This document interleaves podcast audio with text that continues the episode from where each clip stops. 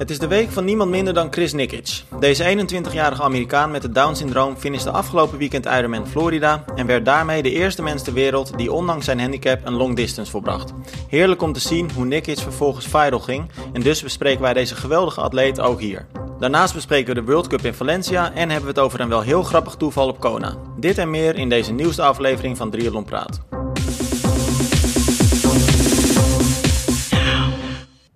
Ja jongens, voor we het over uh, Chris Nikic gaan hebben, want ja, laten we wel wezen, dat is toch wel de held van deze week, nou ja, misschien zelfs wel van dit jaar. Uh, wil ik eventjes teruggrijpen uh, naar de podcast die jullie vorige week hebben gemaakt zonder mij. Want ik hoorde jullie daar ineens een beetje speculeren over dat ik mijn nieuwste, nieuwste uh, doelstelling alweer had bepaald, mijn nieuwste challenge. Maar, maar dat, is, niet... toch ook zo? Nee, dat is niet helemaal waar hè? Dat durf je nee? nu niet te zeggen in de podcast. nee, dat durf je nu niet te zeggen. Dat is wel een beetje jammer dit. Ik ga die zeker wij niet horen doen, van alle, Wij horen van alle kanten om jou heen dat jij weer uh, allerlei plannen aan het maken bent. Wat is dit voor gekkigheid? Jullie hebben dit hij echt baalt dat, op een gegeven moment... Hij baalt ik... dat het niet onder de radar kan nu natuurlijk. nee, want jullie hebben het over, denk ik tenminste, uh, want het kwam ineens nadat het artikel online stond, over die uh, challenge waarbij ik wel gelijk moet zeggen dat ik hem wel echt tof vind. Volgens mij 20 of 21 november. Um, en het idee is dan dat je elk uur 6,7 kilometer loopt. Je begint dan om 5 uur s ochtends. En dan moet je dus nou ja, gelijk 6,7 kilometer lopen. En dan vervolgens doe je dat om, 7, of om 6 uur s ochtends weer. Om 7 uur s ochtends. Om 8 uur s ochtends. Nou ja, en zo ga je elk uur uh, door. Uh, net zolang tot je eigenlijk niet meer kunt. Maar één ding kan ik wel vertellen, jongens. Ik ga hem niet doen hoor. Niet? Nee, man. Oh. Ja, maar dat is toch, nou, dat is jammer. dat is toch wel een appeltje voor jou. Ja. 6,7 kilometer, dan weet je, kan je lekker rustig lopen. Kan je even, nog even af en toe bijslapen, een powernapje doen. Het is wel echt een teleurstelling dit. Ik, kan, ja. ik zat het zo te lezen en uh, volgens mij is dat echt bizar zwaar. Ja, ik denk dat het wel nog, meevalt. Nou, ik denk dat het best wel zwaar is, omdat je, zeker als je het bijvoorbeeld op een gegeven moment rust neemt en dan Precies, weer op gang dat. moet komen. Ja. Ik denk dat dat echt zwaar Ja. gaat worden. En onderschat ook niet, 6,7 kilometer. Het is ook nog best wel een eindje hè, als je dat elke uur moet lopen. Het is niet dat je dan nog heel lang Hmm. rust hebt of zo. Nee, ik denk wel dat het is wat loopt natuurlijk. Ja, maar je gaat natuurlijk niet eh, eh, wedstrijdtempo lopen. Je, je wil het een beetje Nee, nee, rustig nee. lopen. Dus je bent toch al snel wel 40 minuten bezig. Ja, maar je wil wel dus- weer snel ook, want dan heb je meer rust. Ja, maar als je dus echt hard gaat lopen, dan ga je natuurlijk best wel verzuren. Nou, dan wordt, en dat Ja. ga je wel vier, vijf keer volhouden. Maar je gaat op een gegeven moment helemaal stijf worden natuurlijk als je elke keer weer rust neemt. Mhm. Nee, wedstrijdtempo kan niet. Nee. Maar wat Arjan zegt lijkt me inderdaad wel. Dat je iedere keer weer moet motiveren om dan weer te gaan. Dus je gaat zitten. Ja, ja. Ja. Nou, ze hadden het laatst, het, het- nou ja, laatst is ook al een, eh, ik, ik denk twee, drie maanden terug, misschien iets langer. Afgelopen zomer was het geloof ik. Het was in ieder geval midden in de coronatijd, dus heel lang geleden is het ook niet. Maar toen was het volgens mij ook in Amerika. En dat was van die ehm, eh, makers of bedenkers van die Barkley Marathon ook. Die hadden toen ook eigenlijk een soort gelijke challenge bedacht. En, maar daar deden ze hetzelfde concept, maar daar deden ze dan 1600 meter. Dus eigenlijk elk uur moest er één mijl gelopen worden. Ehm, Ja. ja, dan had je dus iets meer rust. Ik denk dat dat iets eh, makkelijker te doen is. Vooral ook omdat je natuurlijk ook veel minder ver hoeft te lopen. Dus je, je zal veel minder snel verzuring krijgen. Maar ik geloof dat ze het daar iets van eh, acht dagen volhielden of zo. Ja, maar dat kan ik me wel voorstellen. Want inderdaad, 1600 meter is echt goed te doen. En dan heb je ook echt nog wel rust. Dan kan je ook echt nog wel een keer zeggen van... ik loop hem nu wat harder, want dan kan ik daarna een half uurtje tukken Precies. spreken. Maar volgens mij is het lastige wel dat je constant onderbroken wordt in je slaap ook. In nachten. Ja, Ik Ja, zou er echt niet tegen Nee. kunnen. Nou goed, ik, ik heb wel eens ga- de vier, ik heb, ik heb persoonlijk wel eens de 24 uur eh, dan in estafetteverband moet ik erbij zeggen. Dat was eh, voorheen nog in Almere, lang geleden de MS-loop. En dan had je een 6 uur, een 12 uur en een 24 uur. Individueel, maar ook een teamverband. En toen we, hebben we met de triathlonvereniging wel eens eh, met alle jonge atleten, eh, met eh, Jeffrey, Richard, Jort, die nu allemaal betrokken zijn bij de Challenge Almere Amsterdam, hebben we wel eens de ehm, 12 uur in estafette gedaan. Ik heb hem ook wel eens een 24 uur estafette gedaan. Maar het is, dan loop je ook zeg maar één keer in het half uur of uur, omdat je dan je teamgenootjes de rest lopen. En dat was een rondje van 1800 meter uit mijn hoofd. Maar dan ben je ook helemaal gek op een gegeven Ja. moment. Want inderdaad, je kan niet slapen, je, je, je kan je rust niet echt goed pakken. Het is, eh, ja, ik, ik, het is mentaal best zwaar. En daar was ik. het volgens mij ook nog zo, Arjan, dat het er een beetje om ging dat je zo ver mogelijk liep hè, met, als team. Dus Ja. je moest zo hard mogelijk. Ja, ja, ja. Ja, dus wij liepen gewoon echt die 1800 meter in, eh, als het 1800 meter was, zo rond de 6 minuten, 6 minuten 30. Eh, en dan had je weer een half uurtje rust. En de andere helft van het team die had helemaal rust, want die lag dan bijvoorbeeld twee uur te slapen. Dus je moest twee uur op, twee uur Ja. af. Dat is wel zwaar, dat, hoor. is, dat is best wel heftig Ja, hoor. dat is Ja. echt wel zwaar. Nou, ik moet heel eerlijk zeggen, ik had, hem best, ik had het best willen doen eh 20, 21 november. Maar we gaan natuurlijk nog een marathon lopen dit jaar en dan lijkt het me niet echt... Want ik denk als je het gaat doen, je gaat, je gaat, ja weet je, ik ga, ik ga minimaal eh 150 kilometer lopen dan. Dat lukt dan wel. Eh, maar je, weet je, je maakt je lichaam daar ook gewoon dat is echt een enorme klap op je lichaam. Ja, dat Dus zeker. gaat, eh, ja. Ja, voor die marathon is het Nou, maar ik had wel verwacht na- dat- nadat jij, weer, dat jij al wel weer op het punt eh, zou zijn om een nieuwe uitdaging te zoeken. Maar het is wel snel. Ja, is te snel. Ja, en die maar- nieuwe uitdaging is dus Denk- die marathon, hè? dus het is niet dat we, dat we stil gaan zitten, maar... eh, Ja, want wanneer komt die dan? Ja, waarschijnlijk eh 24 eh, december, vlak voor kerstavond. En als dat niet Ja. lukt, want we, ja, het hangt nog even van een paar dingen af, dan misschien op 31 december. Eh, maar ook dat is niet 100% zeker, maar sowieso in de ergens eh, halverwege of eind december gaat het worden. Nou, dan lijkt me voor de kerst wel een Maar- stuk fijner. Dan kan je daarna gewoon uitbuiken en eten en zo. Ja, dat zei ik dus ook al. Dan zit je niet zo met schuldgevoel eh, aan het kerstdiner, hè? Nou, dat ook. Maar vooral gewoon, het lijkt me ook echt niet lekker als je na zo'n heel... Na zo de kerst voel ik me tenminste altijd een beetje vies en vatsig of zo. Dan lijkt het me niet zo'n lekkere manier om aan een marathon te gaan beginnen. Ja, maar jij komt met kerst ook wel gemiddeld zo'n 7 tot 8 kilo aan altijd, toch? Ja, joh. De hele dag eten. Maar wel jammer dat je met oud en nieuw dan niet, of als je met, op oudjaarsdag gaat lopen, dat je geen vuur hebt bij de finish. Nou, super jammer. Ja, maar Arjan, jongen, dit is een mooi verhaal ook weer, hoor. Romy, die, eh, die vertelde mij eh, laatst, toen hadden we het over kerst. Volgens mij hadden we het toen ook over die marathon, dat weet ik niet. Maar Ik ben toen echt hadden we heel het op een benieuwd gegeven wat moment er over kerst. En toen vertelde ze dus dat ze eigenlijk wel een beetje baalt dat ze nu weer in Nederland is eh, deze winter. In plaats van dat ze in Zuid-Afrika zit. Want ze zegt, ja, als je in Zuid-Afrika bent, dan ben je natuurlijk gewoon buiten en het is warm. En je bent dus niet de hele tijd Ja. binnen aan het eten. En toen vertelde ze dus wat ze allemaal overdag eh, normaal eten met kerst. Nou, schrikbarend gewoon, joh. Maar dat doet toch iedereen met kerst? Tenminste, ja, zo vroeger Nee. toen ik het in Nederland vierde. Dat begon 's ochtends met skietaart. Zo'n taart, weet je wel. Dat ken je toch wel? Met van die witte Ja. dingen. En dan Nee. zo'n shotje erbij met alcohol. Wat was dat? Kijk, niet. moet je nagaan, Arjan. Ze begint met alcohol. Shots. Ze begint met taart en alcohol. Nee, dat heb ik nou niet op mijn kerstochtend. Echt Maar zo- zo'n shotje wat je bij de koffie neemt, weet je wel? Zo met twee van die kleurtjes. Met zo'n Ja, zo'n eh, een vodkaatje bedoel je. Zo'n likeurtje. Ja, gewoon Zo'n, vodka. Goedemorgen. niet zo'n likeurtje, maar zo'n, eh, ja, ik eh, weet wat je bedoelt. Ja, precies. Dat is super lekker. En dan, nou, dan ga je lunchen. Doe je weer heel overdreven uitgebreid. Terwijl je eigenlijk een taart op hebt of zo. Nee, dan maar je hebt wel gelijk. Je hebt wel, je, wat dat betreft heb je zeker gelijk. Je eet tuurlijk eet je eigenlijk meer met helemaal nergens op. Nee, maar dat, dat, is ook, dat is ook zeker waar. Maar ehm, ja, nou ja, weet je, dat, tuurlijk, dat is zeker waar. Maar eh, dus wat dat betreft is het inderdaad lekker als je die marathon eerst voor, eh, voor kerst al gehad hebt. Aan de andere kant is het nou ook niet zo, en volgens mij is- geldt dat voor jullie ook. Het is nou ook niet zo dat je je ongegeneerd vol zit te stouwen of zo. En dat je, weet je wel. Dus Wel, Nou, Romy kennen ja, we Ja, wel. Romy blijkbaar wel. zeker. Blijf eten. Hey, jongens, laten we het over Chris Nikic hebben. Want volgens mij is dat Ja. eh, veel, veel toffer dan over onze kerstgewoontes. Eh 21 jaar, Down-syndroom. Nou ja, Romy heeft eh, een, een aantal maanden terug eh, eh, al een mooi artikel over deze ja, topatleet, wil ik eigenlijk gewoon zeggen. Want ja, tuurlijk, qua tijd is het geen topatleet, maar qua prestatie overstijgt hij misschien wel de beste atleet ter wereld. Ehm, Zeker. Waarin ze eigenlijk schreef wie Chris Nikic was. en ook wat zijn doelstelling was. Namelijk de eerste Down-syndroom jongen worden. mens ter wereld zelfs met het Down-syndroom. Die een full distance, long distance Ironman of challenge. Nou ja, long distance triathlon moet ik dus zeggen. eh, eh, wilde volbrengen. Nou, pijlen werden gericht op Ironman Florida. Ehm, en Romy, volgens mij was het dan onder het motto... elke dag 1% beter, hè?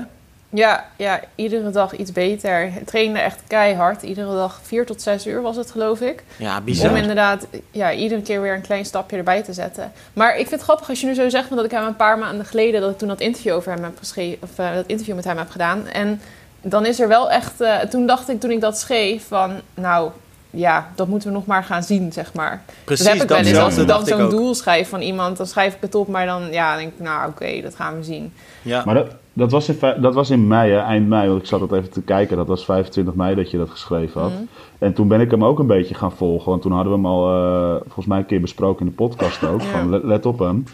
En ik ben hem gaan volgen op social media, maar ja, met de dag dacht ik van ja, die gaat het echt wel redden. Nou, Ja, ik, heel ja, eerlijk gezegd, ik vind het grappig dat je dat zegt, Arjan. Want wij hebben hem alle drie eh, gevolgd op Instagram. Ehm, en ik dacht eerlijk gezegd precies het tegenovergestelde. Ik ook. Want ik zag hem... Wat zei je, Romy? ja, ik ook. Ik heb Ja, want, want ik zag hem elke dag nou ja, Romy zei het net, vier tot zes uur inderdaad trainen. Hij deed echt monstertrainingen. Maar ik zag die filmpjes voorbij komen dat ik hem dan in, in het zwembad zag. En uh, op de fiets vooral ook. Dat ik dacht van, ja, het is heel echt, echt heel erg knap wat je aan het doen bent. Maar het gaat zo langzaam en ook best wel moeizaam. Dat, dan is een long nee, dat, dat, wel. Dat, dat, dat zag ik ook wel. Alleen ik zag wel de volharding ja, ervan. Nee, dat en zeker. Volgens mij is dat... En volgens mij was dat het punt wat bij mij zeg maar, de doorslag geeft van ja, het gaat niet snel. Maar dat wisten we al en het is gewoon enorm knap. Ik denk dat we met z'n drieën en iedereen daaromheen allemaal wel kunnen zeggen dat we enorm veel respect ja. Eh, hebben voor wat Chris gedaan heeft afgelopen weekend. Nee, maar ik bedoel meer te zeggen, van, eh, was jij dan niet bang dat hij bijvoorbeeld de, de, de cut-off niet zou halen? Dus de, de, de eindtijd? Nou ja, daar was ik, nou ja, ja, nou, ik was vooral bang dat hij de, de limieten niet zou halen. Ja, dat, ja, dat bedoel ik inderdaad. Ja. ja, dus eh, vooral met het fietsen, dat is wel wat ik zag inderdaad, waar zijn grootste valkuil lag. Wat jij zei van het fietsen, dat ging wel in een tempo dat je dacht van, ja shit, laat hem wel gewoon genoeg tijd hebben om... Uh, om, hem, uh, om van de fiets af te komen uh, en te kunnen beginnen aan de marathon. dat, dat was wel een van de dingen. Maar aan de andere kant zag ik wel die volharding in zijn blik. En had ik wel zoiets van: ja, hij gaat dat gewoon doen. Hij gaat dat gewoon linksom of rechtsom gaat hij dat gewoon doen. En dat is dus en ook is het niet... zo bizar, hè? Dat, dat zo'n jongen zich mentaal zo kan motiveren om door al die pijn heen te bijten en ja. dat doel voor ogen te houden. Want dat is voor normale, ja. normale mensen, voor iemand die niet Down-syndroom heeft, natuurlijk al een hele opgave als je dan ook nog eens Down-syndroom hebt, ik vind dat bizar. Dat hij zichzelf zo weet te motiveren en zo die stip blijft zien op de horizon, zeg maar, ja. naar waar hij toe wil. Ja, en, en wat dachten jullie ervan dan op het moment, uh, want ik zat die wedstrijd, uh, ik zat ook de pro-race uh, te volgen. Um, en ondertussen zat ik natuurlijk met de schuine ogen steeds ook in de tracker, maar ook op, op Facebook en social media te kijken ja. wat er allemaal een beetje gebeurde rondom Chris. En op een gegeven ja. moment werd hij dus op de fiets ook nog gestoken door insecten. Hij kwam mm -hmm. te val, uh, raakte daarbij toch ook, uh, ja, niet, uh, niet gewond, zwaar gewond, maar hij had wel Schaafwond, aardig wat schaafwonden. Ja. Zijn knie lag open. Ja. dan kan ik me zo voorstellen, ik, ik weet niet zeker of dat zo is, maar dan kan ik me voorstellen dat iemand met het syndroom van Down misschien daardoor iets sneller van slag raakt dan een gemiddelde atleet. Um, mm -hmm. Maar Chris niet hoor, hij ging gewoon door. Hij, ik zag hem nee, zwaaien naar het publiek. die, die jongen die had de dag van zijn leven. Dat vond ik ook wel mooi, want dat zie je ook wel. Ja, ik, daar zie je ook wel die volharding in. Dat hij inderdaad, hij valt en heel veel mensen, maar ook zeker anderen, zouden uit, uit het veld geslagen zijn. Alleen uh, hij had gewoon dat doel en dat was die finishlijn. En daar kon niemand hem van afhalen. Uh, dat vond ik wel heel erg mooi. En dat zie je ook in dat filmpje volgens mij wat jullie hebben gedeeld op, uh, op Triathlon met In Beeld Gevangen. De dag van Chris Nikic. Daar zie je hem ook s'morgens de richting de start lopen en dan het publiek. Er was, was ja. niet veel publiek, maar wat er was, uh, opzwepen. Echt zo die handen in de lucht van maak geluid of zo. Ik denk, ja. En dat dansje en dat hij dan op zijn ja. borst laat. Ja, echt mooi. Ja, ik vind dat heerlijk. En ik kan daar zo van genieten. En ik had, wat ik al zei, ik had het artikel wat Romy geschreven had van mij teruggelezen. En daarin ging ook het stukje over uh, sociale isolatie. Dat wij allemaal lopen te klagen. En kort gezegd van ja, dat we nu uh, in lockdown zitten. Toen ook in lockdown zaten. Maar dat eigenlijk dit soort mensen hun hele leven in lockdown zitten. En ja, ja daar vecht hij zich nu wel, uh, nu wel uit. En laat wel zien dat hij ook gewoon met zijn uh, beperkingen gewoon een hele triathlon kan doen. En dat is ja. echt gewoon een, met, zeker met zijn beperkingen, echt een wereldprestatie. Ja, ja ik kan me ook zijn... voorstellen dat dit zijn leven zoveel mooier maakt nu, dat hij dit nu heeft. Vooral als hij er ook echt daadwerkelijk plezier in heeft. En dat moet wel, want anders haal je dit niet. Dat je zoveel mensen, nieuwe mensen leert kennen en dat je toch iets hebt om voor te gaan.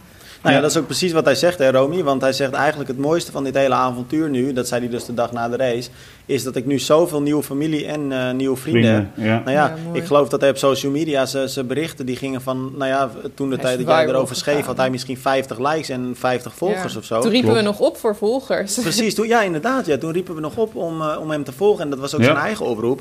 Maar zijn berichten worden nu, nou sommige berichten rond de 100.000 keer geliked, joh. Ook door Astro's. Frodeno die uh, doet het nu niet eens zo goed soms. Nee. En, en, je ziet het gewoon dat, dat zijn zelfs... Uh, kijk, triathlon is gewoon uh, media in Nederland is een hele kleine sport. We moeten wel eens blij zijn als, als we een uitslag zien van de Nederlandse pro's. Maar volgens mij heb ik het uh, artikel van Chris Nikic uh, afgelopen dagen in elke grote krant en website ja, ja. voorbij zien komen. Kwam overal voorbij. Ja. Hey, maar ik moet zeggen, mijn hart brak wel een klein beetje, jongens. Want ik zat vanochtend ook nog even op zijn profiel te kijken. En uh, uh, toen kwam ik er dus achter. Uh, kijk, zijn, zijn familie is natuurlijk alles voor hem. En hij is ontzettend afhankelijk van zijn ouders. Maar zijn moeder, die was dus niet bij de wedstrijd, uh, want zijn moeder was ziek, heel erg ziek. Oh. Um, Oh. En toen had hij dus op zijn, of zijn Instagram vanochtend zag ik een bericht voorbij komen. Het is echt wel aandoenlijk, je moet het echt even gaan kijken. Dan komt eh, Chris dus thuis en dan eh, hangt hij de medaille van hem zelf, die hij dus gewonnen heeft bij de triathlon, hangt hij om bij zijn moeder. En dan staat er iets van een tekstje bij van, helaas was mijn moeder dit weekend te ziek om bij de wedstrijd te komen kijken. Eh, ik heb haar een belofte gedaan, eh, namelijk om een Ironman te worden. Dus deze medaille is voor jou, Dat zoiets. is toch gewoon Oh, kippenvel? Dat is toch gewoon Ja. kippenvel eerste Ja. klas? Ja. Maar weet je welke oproep die er ook nog bij deed? En dat vind ik dan ook wel weer aandoenlijk. Hij hoopt nu, dat is eigenlijk een beetje zijn nieuwe doel, een eh, leuke, lieve vrouw te vinden die net zo goed is Hmm. voor hem als eh, dat zijn moeder eh, voor hem is. Oh. Echt Ja, cool. dat wordt natuurlijk altijd wel een beetje lastig, hè? Nou, ja, nou, dat- weet ik niet. Nou ja, in die zin dat ik bedoel, eh, kijk, eh, het is natuurlijk eh, een gemiddelde eh, eh, atleet of een gemiddelde mens doet zo'n oproepje natuurlijk niet op Instagram. Eh, dus dat vind ik altijd, vind- snap je een beetje wat ik bedoel? Dat is best wel pijnlijk om te zien of zo, toch? Ja, nee, dat ja. is ook wel zo. Maar ook wel weer mooi dat het, dat Ja, ja, het zeker, kan en ja. dat hij dat durft. En dat hij ook gewoon dat zonder chaîne om dat gewoon online te zetten. En dat, dat maakt hem wel heel groot. Alleen ik, ja, ik hoop wel, weet je, we hebben het nu allemaal over Chris. En eh, dat ook gewoon mensen gewoon in hun omgeving is om zich heen kijken. Ja, heb ik iemand in mijn omgeving met het syndroom van Down en weet je, kan ik die meenemen ergens naartoe? Kan ik, kijk, ik hoef geen niet mee te, te doen aan een Ironman of mee te trainen richting een Ironman, maar wel uit die sociale isolatie trekken. En Ja. wat Chris ook zegt, ja, ik heb heel veel nieuwe vrienden en familie gekregen door dit. Maar ja, dat, Chris is niet de enige. Dus ik, ik, vind het ook, ik zou het ook wel mooi vinden als dat gewoon in de omgeving, gewoon in je persoonlijke omgeving ook gewoon daar eens naar kijkt. Van, nou ja, zou ik eens een keer met zo'n jongen een stukje kan- gaan, eh, gaan lopen of eh, met zo'n eh, met zo'n meid. En Ik zou dat serieus wel vet vinden hoor. Want Ja. volgens mij is die dankbaarheid echt enorm. Die is enorm, ja, die is enorm. En dat is, eh, dat is volgens mij dat is echt heel mooi. Ik weet dat ik vroeger nog een vriendje bij ons in de buurt had met het syndroom van Down. Het, het is zoveel blijdschap zit daarin als je daar gewoon... Ja. En zoveel dankbaarheid. En dat is, eh, dat is gewoon heel mooi. En natuurlijk is het ook heel zwaar. Zijn er niet alleen maar mooie kanten, zijn er ook zware kanten. Ehm, alleen, ja, ik hoop wel dat Chris ook een soort voorbeeldrol kan zijn voor, voor, de- voor de rest. En eh, dat, dat we daar met z'n allen ook gewoon zeggen van... ja, dit is enorm knap wat Chris nu gedaan heeft. Maar laten we dat ook gewoon doorpakken met z'n allen. Nee, ik Nou, heb dat Arjan. ook veel gelezen, dat, er, dat heel veel mensen reageerden van je bent echt een voorbeeld voor alle kinderen, alle mensen met Down-syndroom. Die hebben allemaal naar je zitten kijken en meegeleefd. Ja. maar dat is hij ook echt. Want ik bedoel, hij doet gewoon natuurlijk echt iets wat... Ja, niemand hield het gewoon voor mogelijk. Nee, ik denk ook niet dat het snel nog een keer wordt gedaan. Maar ik ben Nee, wel dat benieuwd, en dat is de laatste vraag die ik wel voor mezelf dan heb. Kijk, hij heeft nu eigenlijk zijn ultieme doel heeft hij bereikt. Nou, Wat grotere nu- doelen komen eraan in 2021, schrij- schreef hij al. Ja, ja, tuurlijk. Maar wat, wat is zijn daar ben ik heel benieuwd naar. Wat is zijn grotere doel dan? Want eh, dat kan Ja, dat kan natuurlijk... bijna niet. Nou, niet op sportief vlak. Ja, natuurlijk er zijn er gewoon wel dingen te bedenken. En eh, ik denk dat, eh, dat, dat Chris volgend jaar eh, een uitnodiging naar Hawaii krijgt en daar gaat, gaat starten. Eh, als ik het een beetje kijk, het Amerikaanse bedrijf Ironman is dit natuurlijk een enorm mooie uithangbord ook gewoon. Ehm, dat zou misschien zijn grotere doel kunnen zijn. Maar Ja, weet je Arjan, ik denk dat zijn grotere doel... Want kijk, hij gaat onherroepelijk natuurlijk naar Hawaii. Dat, dat, dat kan ik je inderdaad ook wel op een presenteerblaadje geven. Maar zijn grotere doel is, en die oproep doet hij nu natuurlijk ook overal... is eh, om mensen nu naar zijn website te trekken... en geld op te halen voor het goede doel. En dat goede doel is in zijn geval... eh, mensen met het Down-syndroom uit het sociale isolement halen. Dus kijk... Dat, dat is zijn grote doel nu, denk ik. En hij zal waarschijnlijk verschillende eh, ja, van dit soort sportieve eh, challenges aangaan. Dat zullen waarschijnlijk triathlons zijn, misschien ook wel een keer een marathon. Nou ja, dat soort eh, extremere uitdagingen. Ja, die die gaat Om doen geld om op te dit halen. onder de... Precies, om geld op te halen en om het ook bespreekbaar te maken, denk ik. Ja, Ja, en dat misschien ook wel public speaking, dat hij zelf gaat vertellen over zijn Ja. ervaringen. Ja. Want ik weet dat hij een vriendinnetje heeft die dat ook doet. Ja, klopt. Ja, eh, en dat, de en dat vind ik wel heel gaaf. Dat hij, niet, dat hij dus ook zijn nu, zeg maar, beroemdheid gebruikt om niet alleen zijn doelen te behalen, maar ook gewoon om doelen voor anderen te, te bewerkstelligen. En dat, ja, dat is wel heel knap gewoon ook. Dat hij, daar, eh, dat, hij dat doet. En dat vind ik echt heel mooi. En dat, dat is denk ik nog wel de grootste overwinning van, van dit alles. Kijk, enorm knap dat hij een Ironman is gefinished. Maar als hij ook gewoon de aandacht weet te vestigen op wat echt belangrijk is. Ja, dat is gewoon, eh, dat is gewoon klasse. Dan ben je echt Ja. gewoon klasse. Nou, je noemde net Kona al eventjes. Ehm, daarover gesproken. Ik moest wel lachen hoor, Romy. Eh, wat vond je ervan dat de nieuwe burgemeester op Kona nu eh, Rood heet van zijn achternaam? Ja, geniaal. Dat verwacht je toch niet. Nee. Nee. Ik hoop dat er, dat er reageerde ook iemand. Het zou nou mooi zijn als er ook nog een nieuwe Kona komt in rood. Dan. Ja, ja. inderdaad. Ja. Nou, ik, ik las het en ik dacht, het is, het is ook wel echt toevallig. Want hoe groot is de kans nou dat dit, precies dit gebeurt? Nou, die achternaam hoor je ook nooit. Nee. Even voor de mensen die het misschien niet begrijpen, ik kan het me niet voorstellen, want ik denk dat jullie het allemaal wel eh, begrijpen, maar toch even voor de zekerheid. De nieuwe burgemeester op Kona, dat is natuurlijk de, uh, het eiland waar uh, Ironman Hawaii, het WK Ironman, de grootste wedstrijd van Ironman ook, altijd plaatsvindt ieder jaar. En de nieuwe burgemeester heet Rood. En Rood is natuurlijk het, het stadje of het dorpje waar de grootste wedstrijd van Challenge Family plaatsvindt, namelijk Challenge Rood. Ja. dus eigenlijk de twee grootste concurrenten van elkaar, nou ja, dat dus. Ja, ja het is wel echt grappig, ja. Ja, het is grappig. Hey, ehm, iets anders, want ja, nogmaals, de prestatie van Chris Nikic, fenomenaal. Daar kon niks tegen op dit weekend.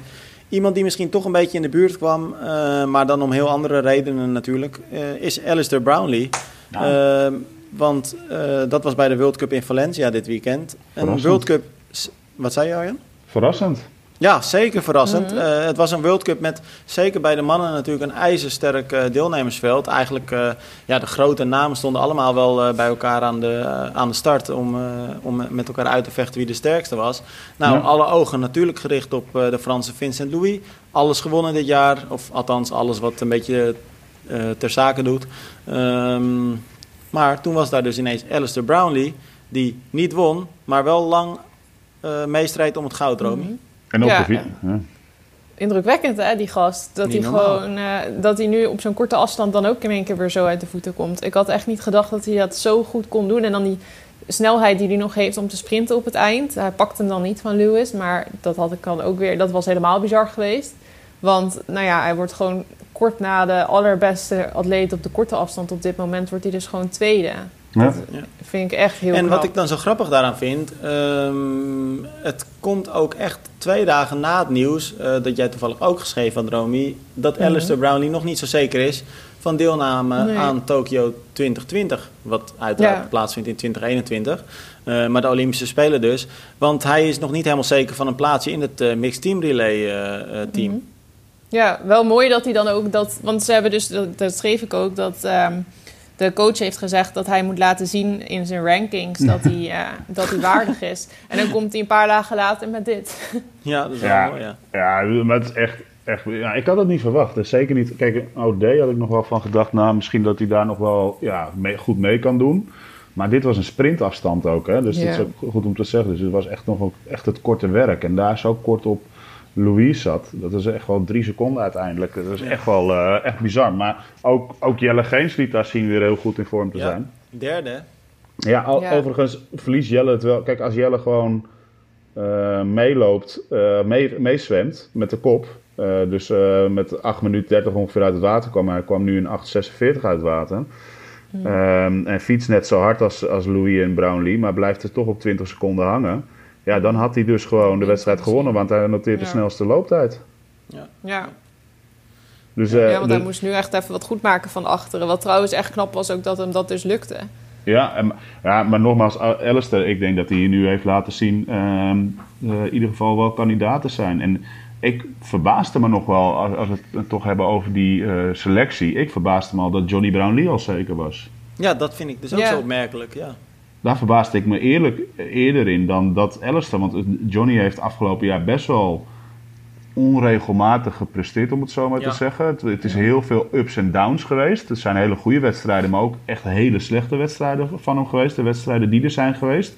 En, zeker mij eigenlijk, want jij zegt ups en downs al, ja, maar volgens mij is er eigenlijk niet eens. Misschien vergis ik me en heb ik er even eentje niet op het netvlies staan. Maar volgens mij is er geen één wedstrijd waarin, je, waarin hij zichzelf nou echt oversteeg.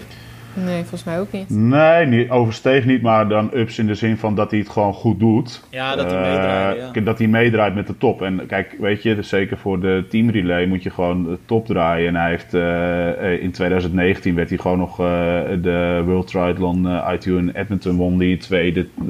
ook in die mixed team relay toen dat weekend.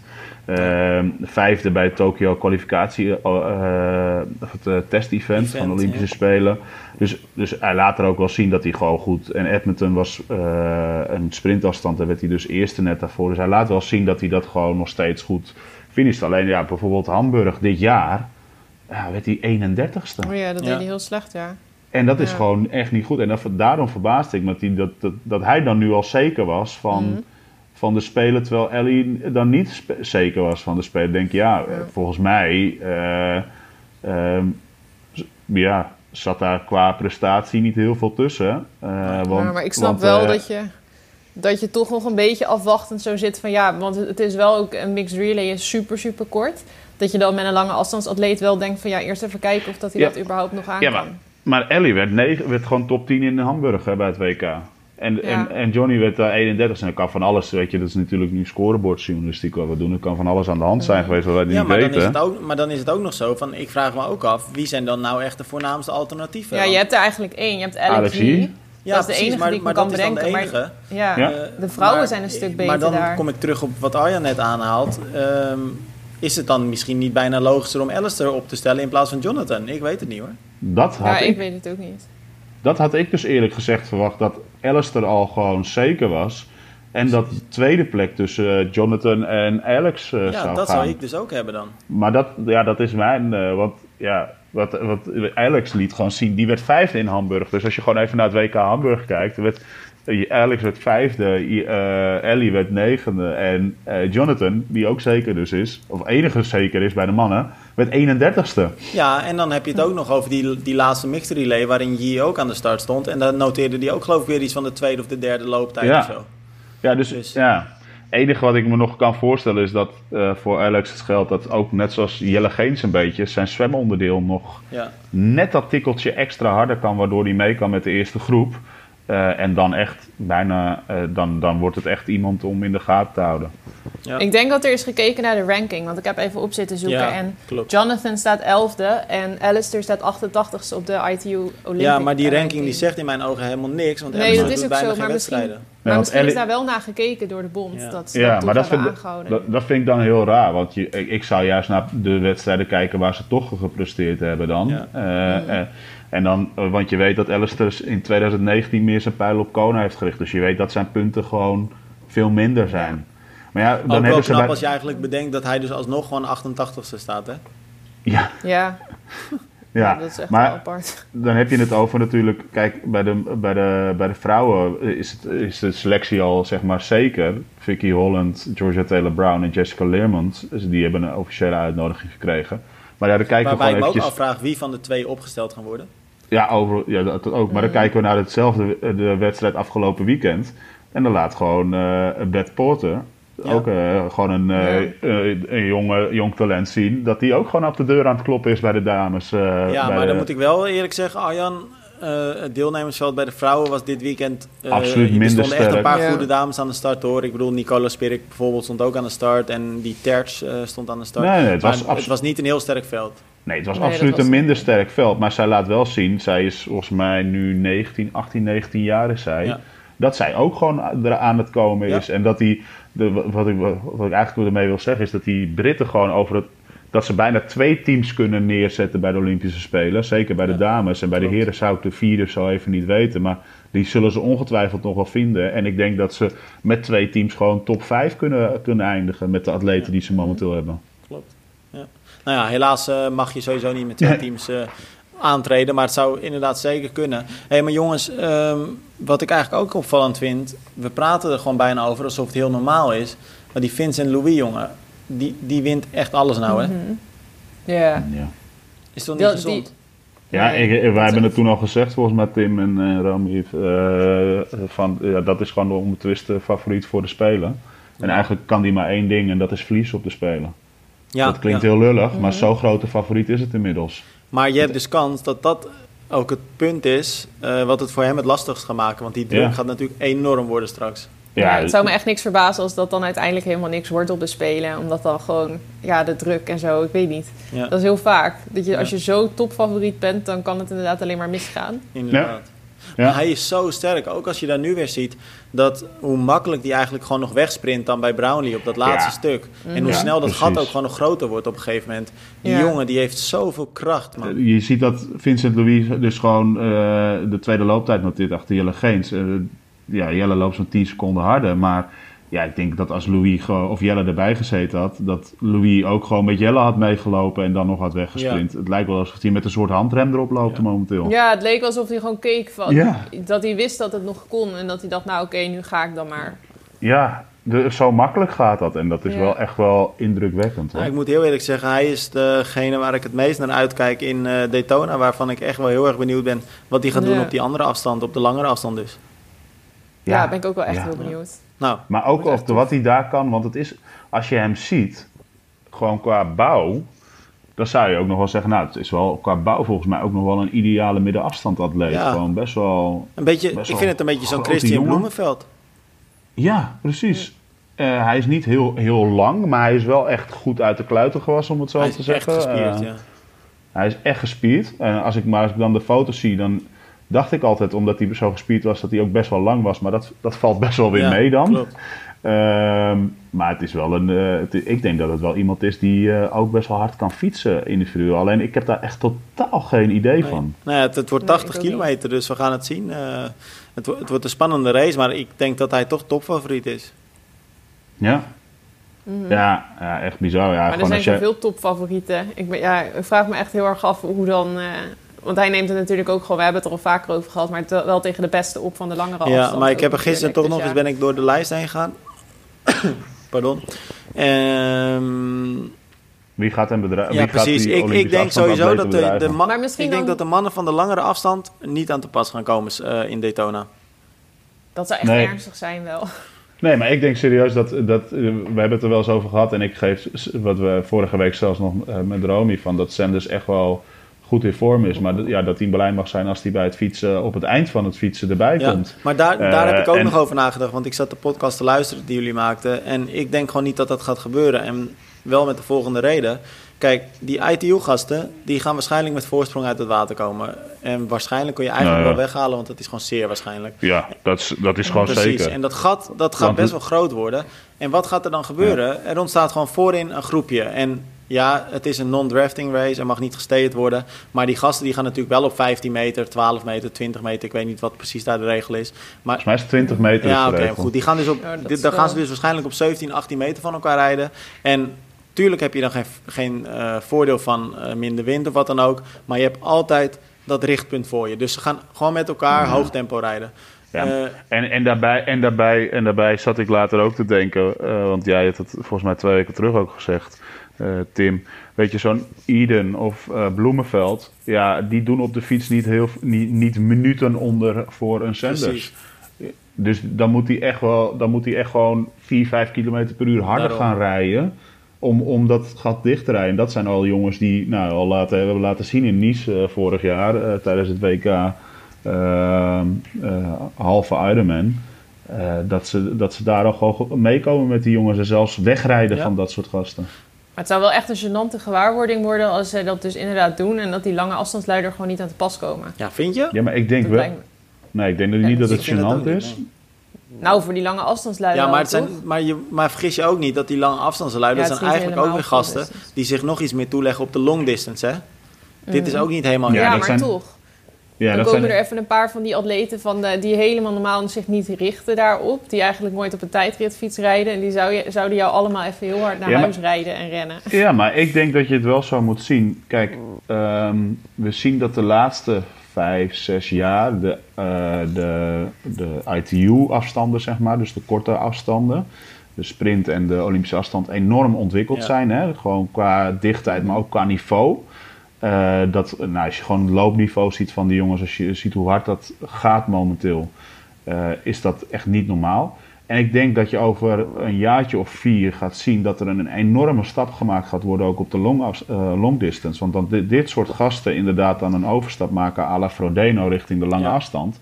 Dan denk ik dat, dat je gewoon weer in een nieuw tijdperk gaat ik komen. En dat je gewoon constant rond de 7,5 uur gefinished gaat, eh gefinished Want gaat vergis je niet, hè, Romy, Ja. want die gasten die gaan zo hard. Maar tegelijkertijd is de omvang van hun training ook al zo groot... dat ze waarschijnlijk echt geen Ja. moeite gaan hebben met de afstand van de middle distance.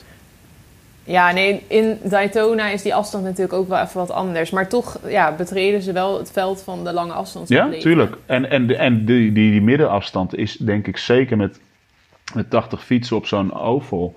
is het ideaal voor die korte afstandsgasten om uh, nu om die stap te richting de middenafstand te maken en daar eens aan te gaan mhm. proeven. En dan denk ik ook heel succesvol te zijn. Al hoop ik, ja. wat jij zegt, Roby, dat er echt wel nog wel een paar gasten zijn van zeg maar, de lange afstand, dus echt van de long distance, die het ze wel moeilijk kan gaan maken. Maar ja, we moeten het maar zien. Nou, ik, ik, als je het nu mij, aan mij zou vragen, zou ik zeggen top 3. Louis, Iden, Bloemenveld. Ja, dat, ja, daar zou ik ook wel dan En misschien Brownlee nog. Want ik wil zeggen, maar Bloemenveld en Iden zijn nog een klein beetje van de lange afstand, ja, hè? Klopt. Ja. Ja, maar ik, ik, ik, ja, ik vind het, ja, ik, Louis, ja, ik, ik weet gewoon niet wat hij kan momenteel op, op zo'n, met eigenlijk, kijk, ik heb Louis eigenlijk alleen nog gezien de laatste jaren in uh, drafting races. Wat kan die in een non-drafting race? Het is toch, ja, je kan wel op 18 meter gaan zitten, wat je zegt, Tim, alleen het is één keer het gaatje iets te groot laten worden en je waait eraf. Ja, maar weet je wat het is, Arjan? Hij komt gewoon met zo'n verschil uit het water. En hij gaat waarschijnlijk die eerste 40 kilometer, bij wijze van spreken, volle bak rijden. Dan heeft hij de tweede 40 kilometer om, nou zeg, drie, vier minuten te verliezen. Um, dat gaat... Ja, maar jij, jij, weet ook, jij weet ook, wij zijn samen in uh, Samorin geweest, uh, Tim. Dat, wat, wat Ellie daar deed. Die, die keer toen het uh, uiteindelijk Sanders, mm. Sanders won of Kienle won, een van de twee. Um, dat Ellie zich was eigenlijk zijn eerste, ja, dat heeft wel een paar keer een half gedaan, maar dat hij echt zich meten met de wereldtop in uh, Samarin tijdens uh, Challenge Samarin de Championship. En dat hij zich eigenlijk zo hard fietste ja. dat hij totaal kapot van de, van de fiets afkwam. Hè? Weet je nog dat hij aan het zwalken was met het lopen, dat stuk? Dat hij gewoon moest opgeven. Nee, dat klopt. Wat dat betreft kan er veel gebeuren. Dat ben ik helemaal met je eens. Ja, dus dat kan ook nog gebeuren. En dat heb ik ook nog wel ergens op mijn netvlies staan. Dat ik denk van ja, toen dachten we ook van, daar komt Alistair Brownlee, de Olympisch kampioen, eerste jaar uh, uh, van de championship. Alle grote namen daar. Nou, die fietste weg bij al die grote lange afstandsatleten. We dachten, nou, die gaat met twee vingers in zijn neus winnen. Want wie komt er nou bij hem in de buurt met lopen? En die, nou, die, die viel bijna om nee, op een gegeven moment. Maar dat ligt misschien ook wel aan de atleten. Want hij heeft dat vorig jaar in Kona natuurlijk ook gehad. Misschien is dat ook wel een beetje een eigenschap nou ja, van dat, dat zeker. En dan kom ik ook terug op iets wat we ook eerder gezegd hebben. Kijk, deze afstand speelt natuurlijk ook weer een beetje in de kaart van die kortere afstandsgasten. Want het is wel degelijk een groot verschil of je 21 kilometer moet rennen of zoals nu in Daytona 16. Ja, en, eh, en, het, is en het is 80 fietsen in plaats van 90 fietsen. het, lijkt allemaal heel weinig, maar alles bij elkaar opgeteld speelt het absoluut in het voordeel. Ja. Zeker weten. Mhm. En, en, dan, en dan nog één ding, wat ook nog wel van doorslaggevende waarde kan zijn, denk ik. Het is zeker een extra stimulans voor die gasten die op kop lopen straks. Ehm, en dat zullen in het begin 100% natuurlijk die ITU-gasten zijn. Maar je weet dus wel dat je gewoon even voor een ton aan het racen bent. hè 100.000 dollar. Mhm. Ja, ik denk dat, daarom denk ik ook wel, ja, ik hoop het echt, maar je, weet het nooit van tevoren, dat het echt wel een hele spannende race gaat worden. Want het is natuurlijk niet alleen maar voor de eer, maar het is ook wel.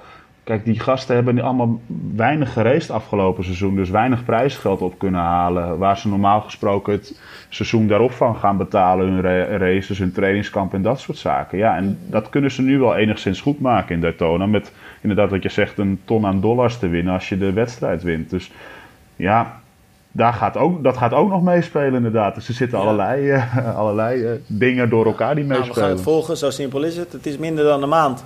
En dan uh, weten we het. Het wordt, ja, het wordt spectaculair. Dat, daar ben ik wel van overtuigd. Ja, ik ook. Ik heb echt zin in. Ja. Nou, jongens, dan gaan wij nu een weekje weer gewoon het nieuws volgen. En dan spreken we elkaar volgende week weer in de podcast. En dan kijken we gewoon weer wat er nou ja, de aankomende week gebeurd is. Yes. Jongens, tot later. Oh,